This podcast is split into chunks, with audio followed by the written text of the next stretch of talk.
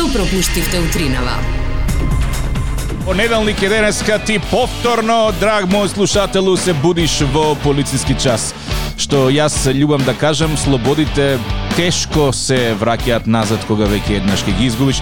Е, иако има нова вонредна состојба прогласена во време трајање од 14 дена, како на никој веќе да не му е гајле дека се уште имаме полициски час, иако според председателот новата вонредна состојба беше прогласена не да се бориме со короната, туку да ги регулираме економските последици од е, истата.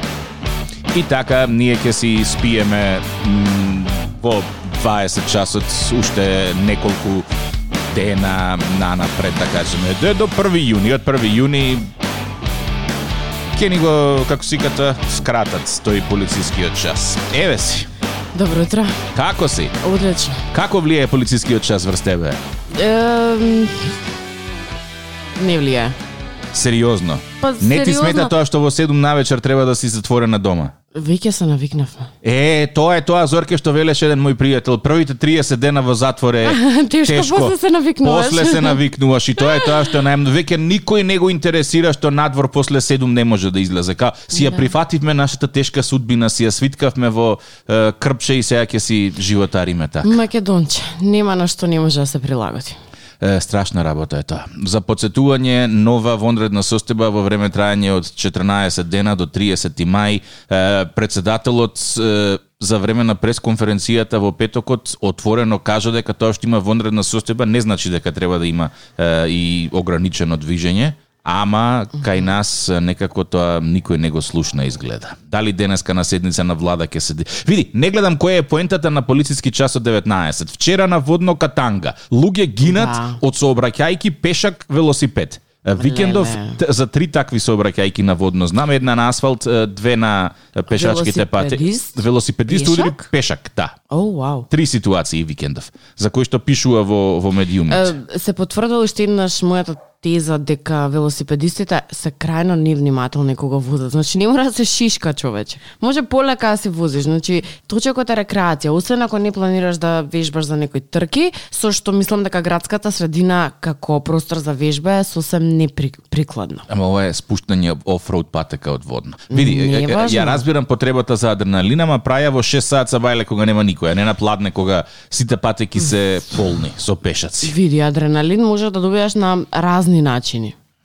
Да. Да. Како, Не например? мора да се спушташ секогаш по кози патеки со велосипед, со велосипед. Па можеш да скукаш е, джамп. Како беше банджи? Банджи, да. банджи, банджи. Е, можеш да скукаш со параглайдер. Можеш да што можеш да правиш? Да возиш надвор од градски средини по твои правила.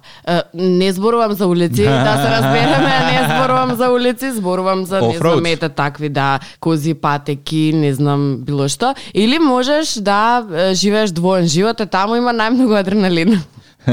пред, пред, пред 17 и по 17. О, не, не мислев на тоа. Е, да, да, до 17 си со семејството, по 17 со швалерката, за тоа па, ми зборуваш. Да. Не, не можеш да бидеш со швалирката во вакви моменти заради тоа што нели едноставно неизводливо е. Меѓутоа можеш да пробаш да правиш разни работи кои што ем ќе влијат на твоето расположение, ем нели ќе се трудиш некако да ги склопиш коцките никој ништо да не види, да не примети. Од сите други работи кои што сакам утринава да ги начнам, многу ме интересира што правиш со информацијата за број на овци во Нов Зеланд која што ја учеше во средно во моментов. Просветли ме. Оу, не се ни сеќавам дека сум учела таква информација. Не памтиш колку овци има во Нов Зеланд? Јас во принцип а, не сум зло памтило и не сум памтило воопшто, така што овие информации мене не, не ми ги кажува.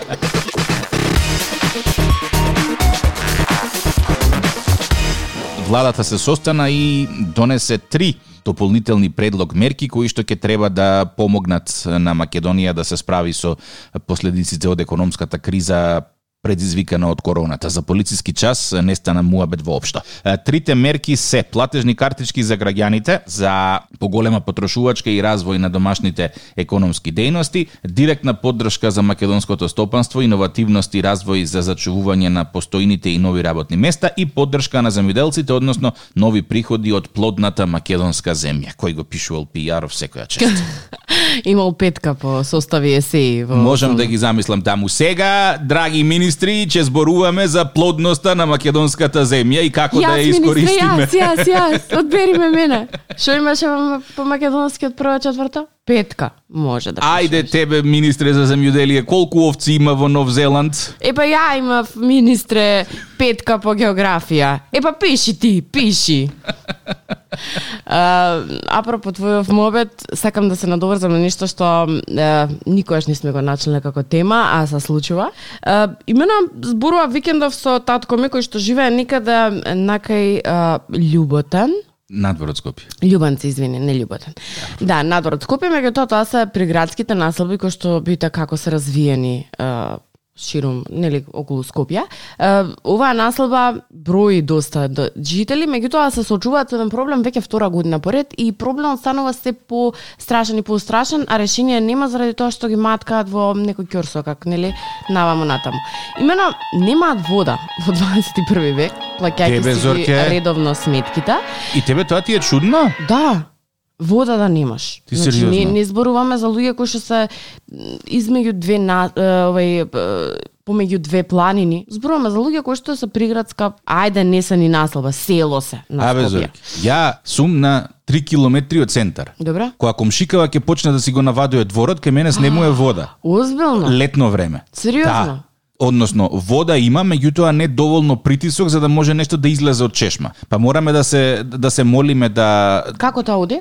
Па има еден водовод горе негде во Нерези кој што го снабдува овој дел од Скопје со вода. И тој Добро. водовод е правен на времето кога овде биле бараки. Кога биле три куќи. Е, од тие три куќи сега се станати 6000 куќи, а водоводната инфраструктура минатата или пред две години мислам дека малку ја ја подобрија, па сега чатпат три комшии треба да почнат да наводнуваат во исто време за да снема вода. Веројатноста е мала да се случи, ама се случува. А предходно беше само што една комшика ќе пушташе црево у двор, а беше Готово. огромен љубител на хортикултура, кај мене вода ни за лек. Па се крпев со хидрофори со едно друго, па се јавував у водовод, па дечко не е тоа наш проблем, па Нели, разговарајте. не е па проблем. разговарајте со ком... што да и кажам ја на комшиката, комшике те молам немој да пушташ вода на плюс 40 степени у лето во во 8 навечер за да ја можам да се истуширам. Значи, дали ќе пушти вода а она една земе да зорке, па тоа не О, можам да о. ти објаснам. Не можеш да објасниш ни на не се. Доволно свесна си е, мислам дека мојот поглед кажува се. Да, не, тоа ми беше многу интересно, значи, а, цело време се вртат во круг.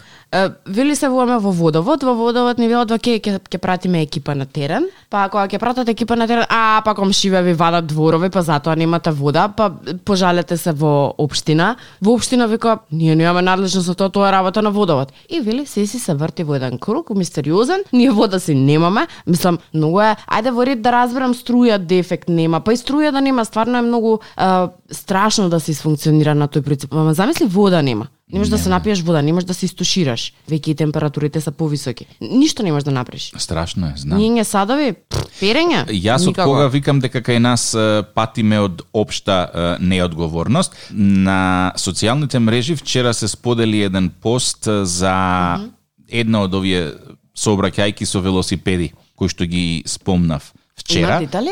Кажи? Има детали? Има кај, да, на Facebook ќе ти го покажам е, прст, прстот, ќе ти го покажам постот. И сега што се случува? Во меѓувреме додека Ликов кој што е удрен со велосипед, е, чека во полиција, чека во болница да го примат, доаѓа увидна полиција Добро. и откако кажува дека го удриле со велосипед на козија патека, а не на асфалт, увидна полиција вели а ова не се води како сообраќајка, не може ние да го процесуираме, треба да одиш у Ето полициска го. станица во Карпуш да Ете те го тоа не, ова не е наша ингеренција, ја обратете се ваму, обратете се А, таму. Добро, ти си полиција, ама јас сум Не, задолжен за тоа. во ред, меѓутоа, знаеш што сакам да кажам? Нека си ја поведат работата. По службена не, должност. Значи, не ме известува мене, знаеш, мене ова не ми е работа, туку јави се на колегите таму каде што треба да дојдат и нека дојдат. Прво, јас сум пример, не дај Боже, таму удрена, лежам, во без оснание сум, навака на... И сега ти доаѓаш ми, ама знаеш, ова не е моја надлежност. Да, да. Значи, чичко полицаец или господине полицаец или кој год да си, поведи си ја работата. Значи, јас не знам каде следно треба да се обратам. Обрати сега, се ти. Од сега Зорке, ако некој се јави да побара роден ден, мојот одговор измини дечко, ја не сум надлежен за тоа.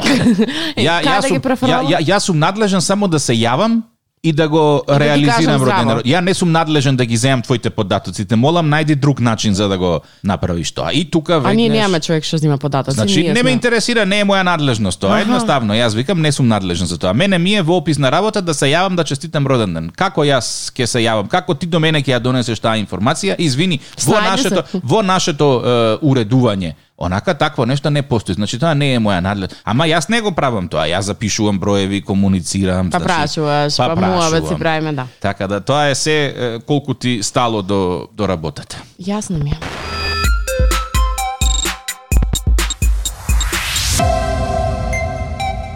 Тоа што има вонредна состојба не значи дека треба да бидеме во апс.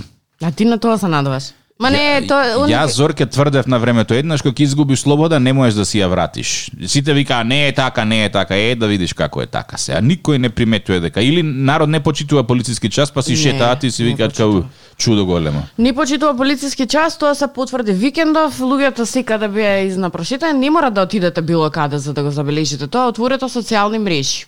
Неделен ручек, собрани баби, стринки, тетки, сите набуткани Не, не, во дворче, демек во за- дворче со социјална дистанца, со оние нели потребните, не знам колку беа Метро и пол. метро и пол, нема врска, но они на метро и пол сите седнати, ама тоа е, кој има маси сите да ги нареди по метро и пол, бре. Тоа треба Страшно. тука е, е до крај на дворот. Е, не мораш ако знае каде да да нели да дзирнете, отворете само нови фотки кои што се постирани викендов, ќе видите колку тоа ние во наводници го почитуваме она што треба да го почитуваме, односно она што ни е кажано за наша заштита. Полиција имаше и во парк викендов, ама некако не казнува. Народ си имаше, не. групирано, ама не се чува. Така да се на Како своја беше на одговорност. изреката на видеото? Како да те казнам, не знам кој си. Е, е, е, е, е, додека цел свет е, си живее по хаштагот остани безбеден, кај нас е уште остани дома. Е, во светот хаштагот ќе стане продолжи да живееш, кај нас ќе биде седи си дома, дома си е најбо. Немај да излезеш од дома. Си е нај... Па така викаат и старите, тоа од старите останато. Седи си дома. Не, пушти ме да, да шетам. Не ме лимитирај. Јас сум си одговорен за собственото здравје, ако веќе ти како апарат не можеш да ги спроведеш препораките и мерките. А, родендени на facebook.com коса црта тиктак и зорка, на Instagram тиктак и зорка или на 079 274 0307.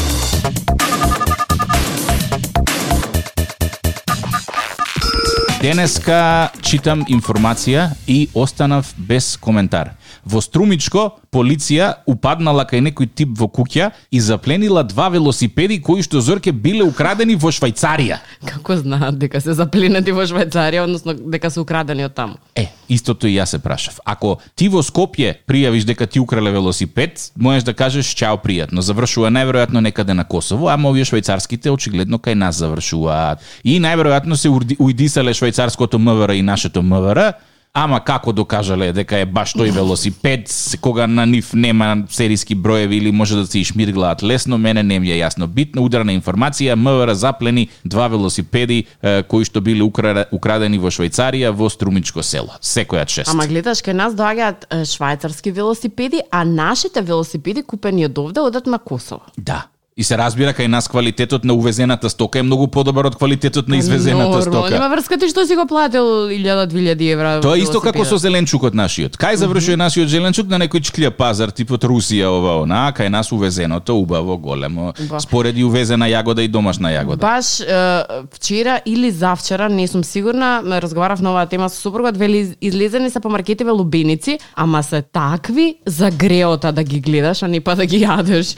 Значи, суви и сушени никакви, ама битно има лубеници. И знаеш колку е килограм? Стотка. Не, 140. Ту, 10 кило лубеница 1400 денари. Ама каква лубеница, Стек ќе јадам у кафана за тие пари. а кафана на работи. Добро утро.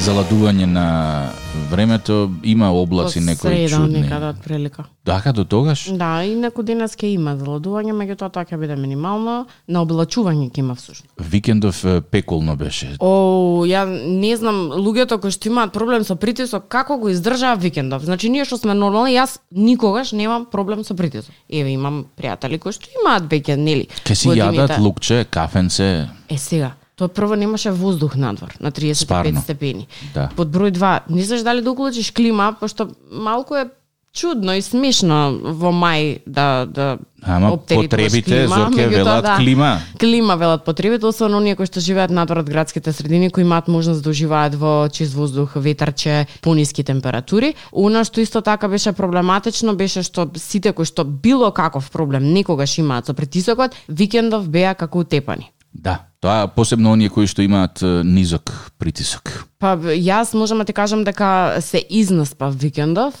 секој можни 10-15 минути вака ако седам во едно место, ми паѓаше главата да заспиам, можам да замислам тие па што имаат нели хронични заболувања, како се чувствува, а за тоа дека не можеше да се земе воздух, се надевам дека веќе од денес ќе имаме некое подобрување на температурата, се чувствував како да сме затворени во тегла. Нема од никаде воздух. Сакаш ја да ти отворам теглот и да излезеш онака како духот од волшебната ламба. Ма ние сме македонци, ние не излегуваме оставена во теглата 20 години, ќе научиме да живееме со тоа. Е, Дејан пишал на Инстаграм, закон сте, моментално ве слушам, ведри луѓе за тмурното ни секојдневие. Ти благодарам. Дејан 079 274 037. Ало.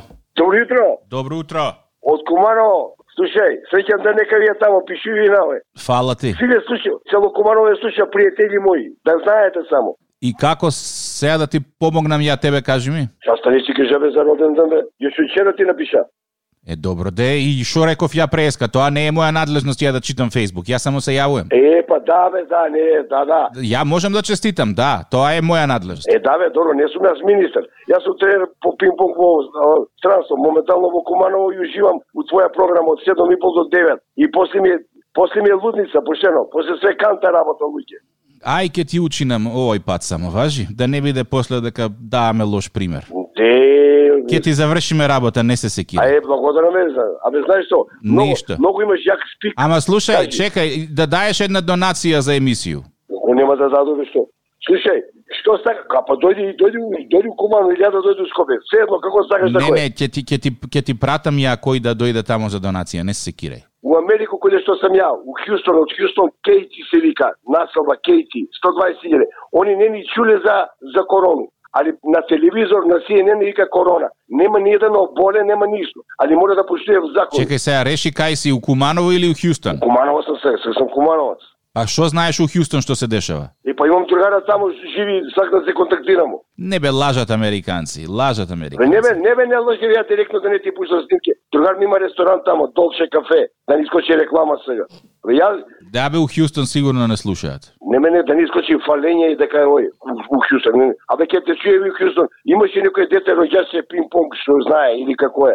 Не бе, пинг-понг, шо. Пинг-понг кинези само играат.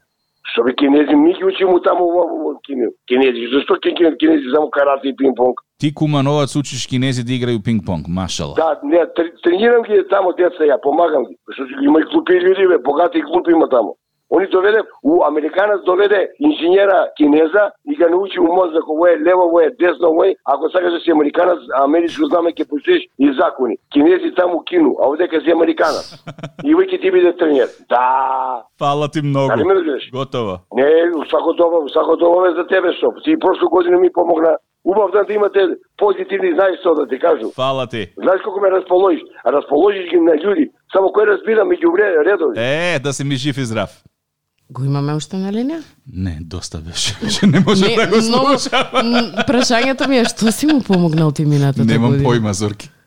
Немам појма. А, Ама Не. очигледно дека ме доживува како месија, што за моето его е одличен Леле, па вака да ти се уваат секое утро и да ти кажуваат колку си најдобар на целиот свет, па мене животот и работата со тебе ќе ми биде мет и млеко. Добро утро. Со вас се Тик-так и Зорка. Кекел, добро утро. Добро утро, Тик-так, добро утро, Зорка, што во понеделник вака? А, види, денеска е е, посебен ден и јас и Зорка за тебе спремивме едно изненадување. Ајде, Може? Спремен си? Може. Идеме. Ајде. Зорке, 3, 2, 1. Happy birthday, dear Kel. Happy birthday to you. Happy birthday, dear Kel. Happy birthday to you. Зорке, овтон ми пееш. Леле, него, него разумајте утро, полајте многу, како се патим со работа одма. Еј, ептен фала, значи. Во Ептен секој Ова многу специјално беше да знаеш чим јас ти да, так да, да, седнеме да, да. пееме заедно. Ова беше проба 386, добро помина. Некаш да ја слушнеш првата. Супер сте, полајни да сте здрави, живи, весели. Убаво да си поминеш вечер. Фала многу, Тик-так. Поздрав, Зорка. Поздрав, чао, чао. поздрав, чао. Чао.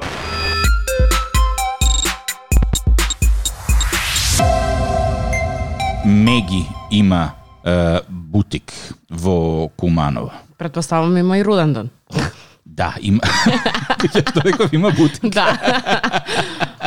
Супер што има бутик, да, заедно ден со, има. со бутикот има и роден ден. Идеме да ја бараме Меги да видиме дали ќе успееме да ја лоцираме денеска. Ако ја лоцираме, ќе и пееме Happy Birthday. Втората смена имаше едно Маргарита, Марга, Меги. Си ја гледала втората смена? На канал 5 на МТВ мислам дека има репризи. На МТВ 5. За кое време збориме? Втората смена 90 и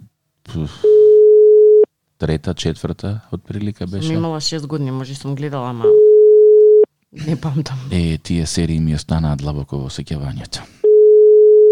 Ја Жал нема. ми е, Меги ја нема, меѓутоа ова будењето со Меги ми даде две идеи. Првата идеја велиш ке пееме. Можеме да воведеме пакети за будење кои што вклучуваат пеење јас и ти во живо, кои што вклучуваат да не само јавување, бомбонjera, молба, такса на марка се тоа како што треба, со уплатница, со се. Тоа е пакетот кој што го добивате премиум од TikTok и Зорка, ако сакате роден ден, кој што е незаборавен со нели пеење на песната. Сега, која беше Мерлин Монро му пееше на на председателот? На Кенеди, да. Да, е, се. Ние сме Мерлин Монро на новото време. Мерлин и Монро. Што ти што ти било Зорке, она д, д, најголемо достигнување во животот е му пеев на Пендаровски за роден ден. Ако си извежбаме, може Монро, може и Зорка, Ама, да не? не слушај, ако се извежбаме, добро може и ќе нас земат некоја година. Кај сте вие? А, вие ќе пеете кај председателот. Еве, овој надвор што поминува старо купуем, он има вокални способности. Не знам дали не се, се слуша. Не, А, вчера се возев по а, Цветан Димов. Цветан Димов Зорке беше една од најсмртоносните улици бидејќи пешаци Чекај, која беше Цветан од Димов? Бит пазар према Џон Кенеди Аха, таму кај што сите си поминуваат кај сакаат си вртат полукружно јасно. бидејќи ги образуваа, се обидуваа да им стават до знаење дека не треба така да се рипа. А, Во текот на еден полициски час на пола Цветан Димов наместени метални, не метални бетонски блокови за да не може да се Насред претрчува. улица. Насред улица, значи како што на Nice. Партизанска имаш дрворед, така на Цветан Димов имаш метал а, бетонски блокови. Па веројатно планирале со друг материјал да ги почнат, ама после си велат чекај, ова е Цветан Димов, дај со бетон И тури. плюс е, полиција решила да почне да регулира паркирање таму, па цел ден бркаат шанс. возила. Граѓаните Ифрид Лути викаат е, можеа да направат нешто друго да биде подобро, ова личи како да сме во Палестина. Секоја пречка ние можеме да ја преминеме што со овие бетонски блокови за Секоја нас. пречка може да. Е,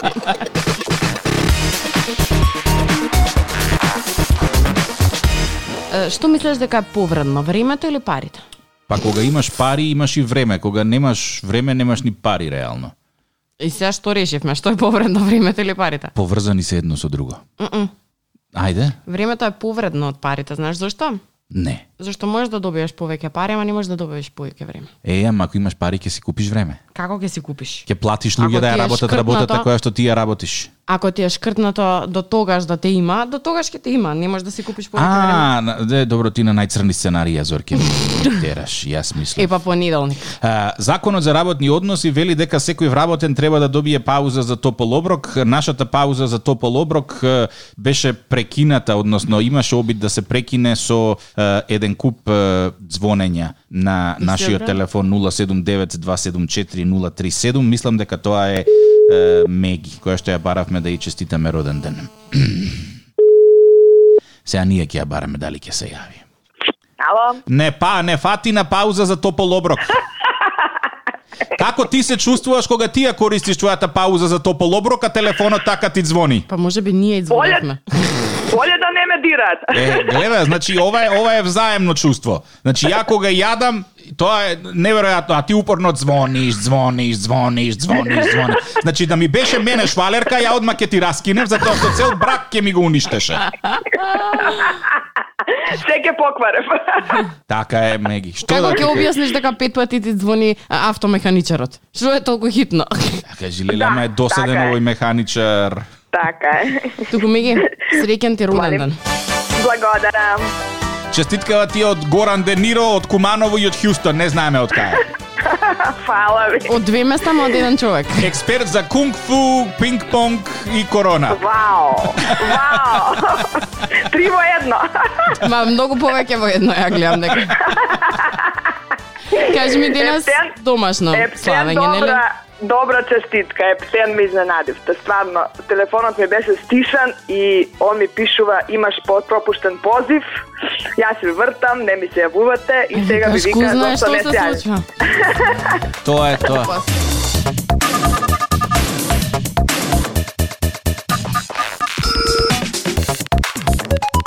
Дали е, виде колку луѓе се појавија на тој протестот, е, хепенингот, што и да беше? не се појави никој или евентуално анимација што споделена информација.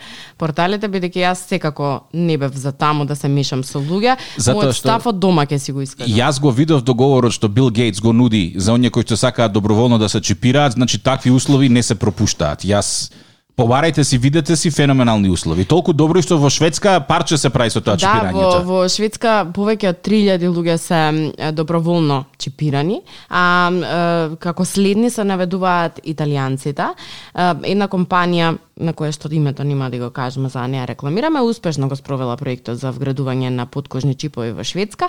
Дури 3000 луѓе се, од, се одлучила за вградување. Ме интересира. Да. Денес да треба да се бараат доброволци за чипирање. Дали ќе се пријавиш? Да. Зошто? Прво, сите лозинки и пасворди кои што ги памтам, ги запишувам некаде, ќе бидат во чипот. Второ, Добро. нема да се замарам да носам лични карти, банкарски картички, мобилен телефон, све ми е у чипот. Сакаш пари од банкомат, трак скенирај го чипот, шлюк ти плукне пари. Сакаш да се јавиш негде, чек чипот на уво, ало, ало, Зорке, добра си, добра су. Сакаш да се логираш негде, чекај, треба да голема буква, мала буква, шест бројки, запирка, ваква заграда, таква заграда. Штрак, чипот, чипот се си памти. Мислам дека ќе не ќе не затупи уште повеќе од тоа што сме. Ја памтам кога бев дете мемориравме телефонски броеви. 236009. Првиот телефонски број што го имав дома. Пред 35 години уште го памтам. Сега, ја мојот мобилен број не си го знам. Леле, знаеш дека јас многу често кога ќе ми кажат дај ми бројче, а Чекај да видам. 071 ли беше, 075 ли беше.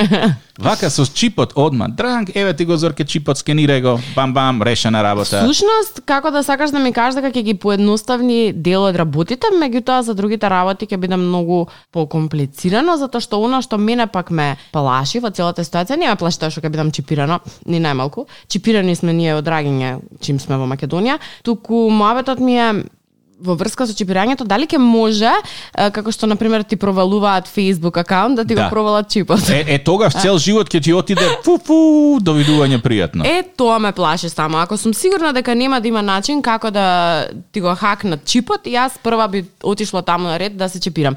Друг ми е маветот. Чипот ќе го има- заштитиш со со хекса хубер трубер убер лубер джухмаум децимален пасворд кој што ќе мора да има минимум 68 карактери од кои што 24 може да бидат букви, а останатите комбинација на бројки и големи. Значи, овие од Министерството што ми ги хакира меловите ќе бидат први хакнати со е, да. Добро, и друг момент, дали ќе има никакви опции, на пример, вака, кога ќе направиш, жена ти одма да скокне. Ако е Со чип. чипирана, да. Пошто вака обично кога пуштиш жена у шопинг или на фризер, не знаеш кај, вака со чипот одма, по дома.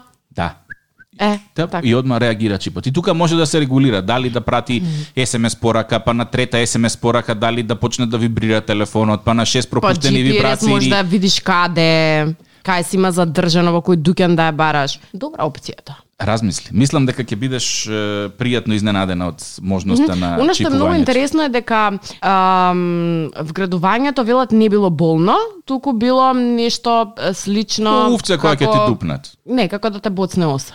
Ете, што. Нешто така. Цел живот внатре во, во чип. После тоа, кога ти телото ќе ти истече, чипот земи го, така и друг човек. Ти си новата зорка. Данг, данг. Сигурно што сме гледале по филмови, полека полека ќе ни стане реалност. Тиктак и Зорка, facebook.com, коса црта Тиктак и Зорка, Instagram Тиктак и Зорка, телефон 079-274-037. Доколку сакаш да честиташ роден ден, пиши ни. Сите оние емисии кои што ги пропушташ во текот на утрото, можеш да ги слушаш и на слушај.тиктакизорка.мк.